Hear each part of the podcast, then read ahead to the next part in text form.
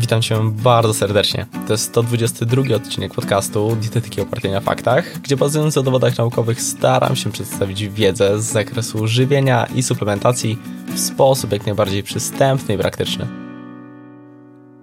Cykl miesiączkowy ewidentnie wpływa na apetyt, co wiele kobiet doświadcza w mniejszym lub większym stopniu. Kwestia ta bywa niekiedy na tyle nasilona, że stała się nawet przedmiotem memów.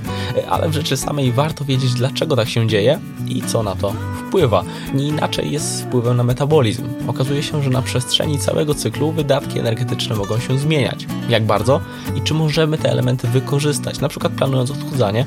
O tym w dzisiejszym odcinku. Zapraszam do materiału.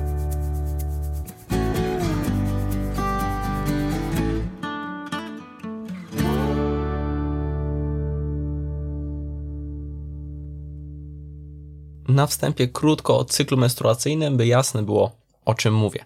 Cykl miesiączkowy to powtarzające się regularnie zmiany zachodzące w organizmie kobiety, wywołane działaniem hormonów i ukierunkowane na umożliwienie zapłodnienia.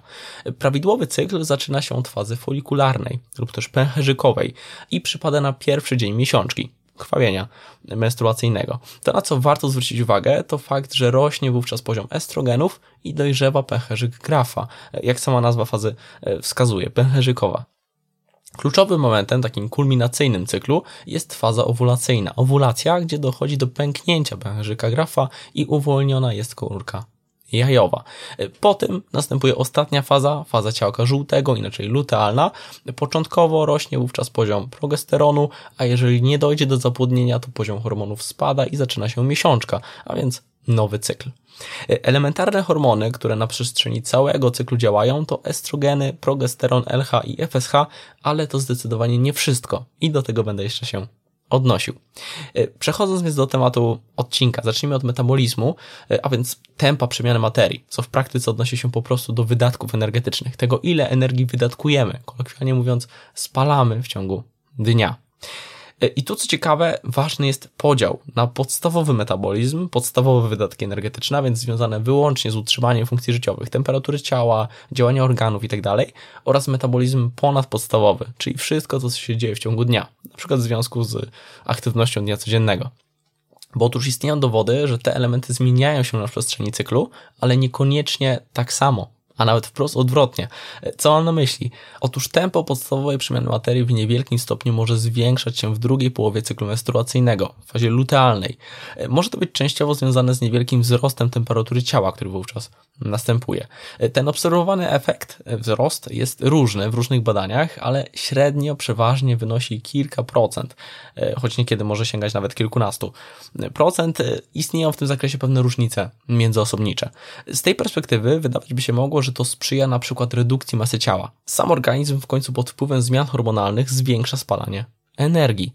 Ale e, trzeba spojrzeć na to całościowo. W drugiej połowie cyklu menstruacyjnego może dochodzić również do obniżenia poziomu dopaminy i serotoniny, e, co może przełożyć się na nastrój i zmniejszenie aktywności. Może pojawić się większe zmęczenie, stąd i mniejsze wydatki energetyczne związane właśnie z aktywnością dnia codziennego. Finalnie więc całkowite wydatki energetyczne wcale nie muszą się diametralnie zmieniać.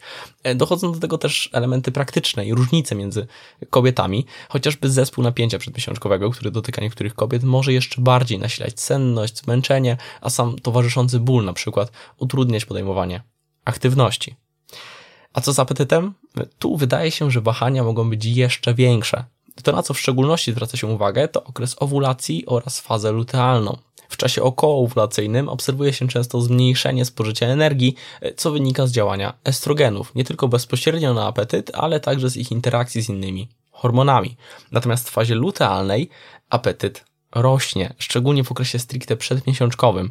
To rzutuje wprost na spożycie energii i większość badań w tym zakresie wykazało różnicę rzędu od 200 do 350 kilokalorii na dzień między punktami czasowymi w fazie folikularnej i lutealnej, a niektóre badania wykazały nawet, że wzrost spożycia energii jest jeszcze większy u kobiet z zespołem napięcia przedmiesiączkowego, sięgając średnio 600 kilokaloriom. Mimo to obserwuje się niekiedy bardzo znaczące różnice międzyosobnicze i trzeba to podkreślić.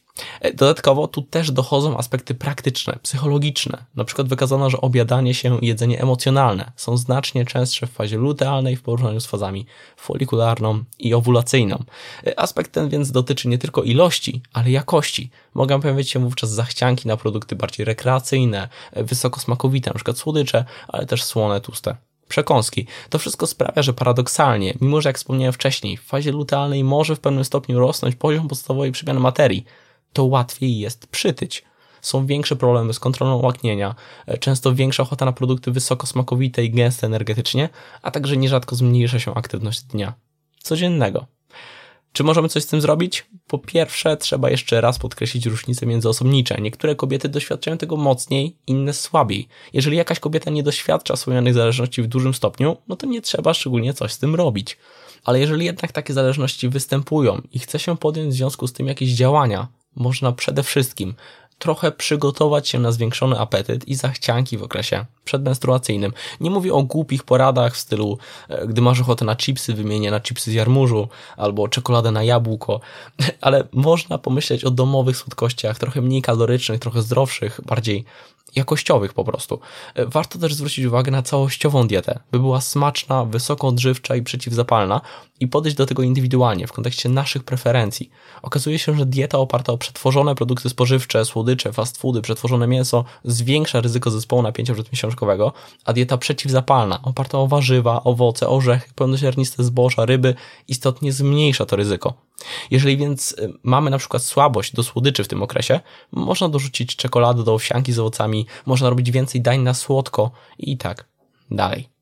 Y, podczas odchudzania można rozważyć też, by periodyzować deficyt energetyczny na przestrzeni cyklu. Innymi słowy, wtedy, gdy łatwiej jest nam trzymać założeń, przykład w fazie pęcherzykowej, to stosować większy deficyt energetyczny, a w fazie lutealnej zwiększać spożycie energii. Nie jakoś diametralnie, ale jednak.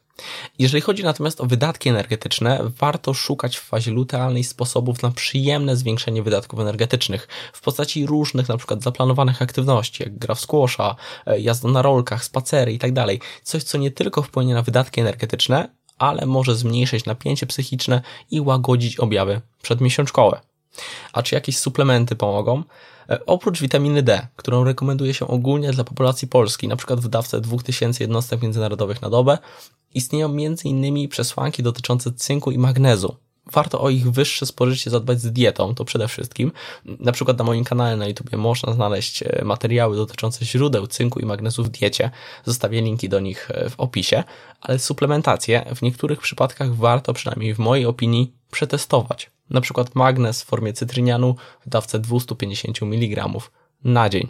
E, można przetestować na przykład na okres jednego całego cyklu i jak najbardziej obiektywnie ocenić, czy czujemy poprawę. E, jeżeli nie jemy ryb, to warto również rozważyć suplementację kwasami omega-3. I na sam koniec dodam, że jeżeli objawy, które się pojawiają są bardzo dokuczliwe, na przykład w związku z zespołem napięcia przedmiesiączkowego, warto wybrać się do lekarza specjalisty, ginekologa. No dobra, e, liczę, że ten krótki odcinek okazał się wartościowy. To już tyle ode mnie. Ja się żegnam. Do zobaczenia, do usłyszenia już niebawem. Hej!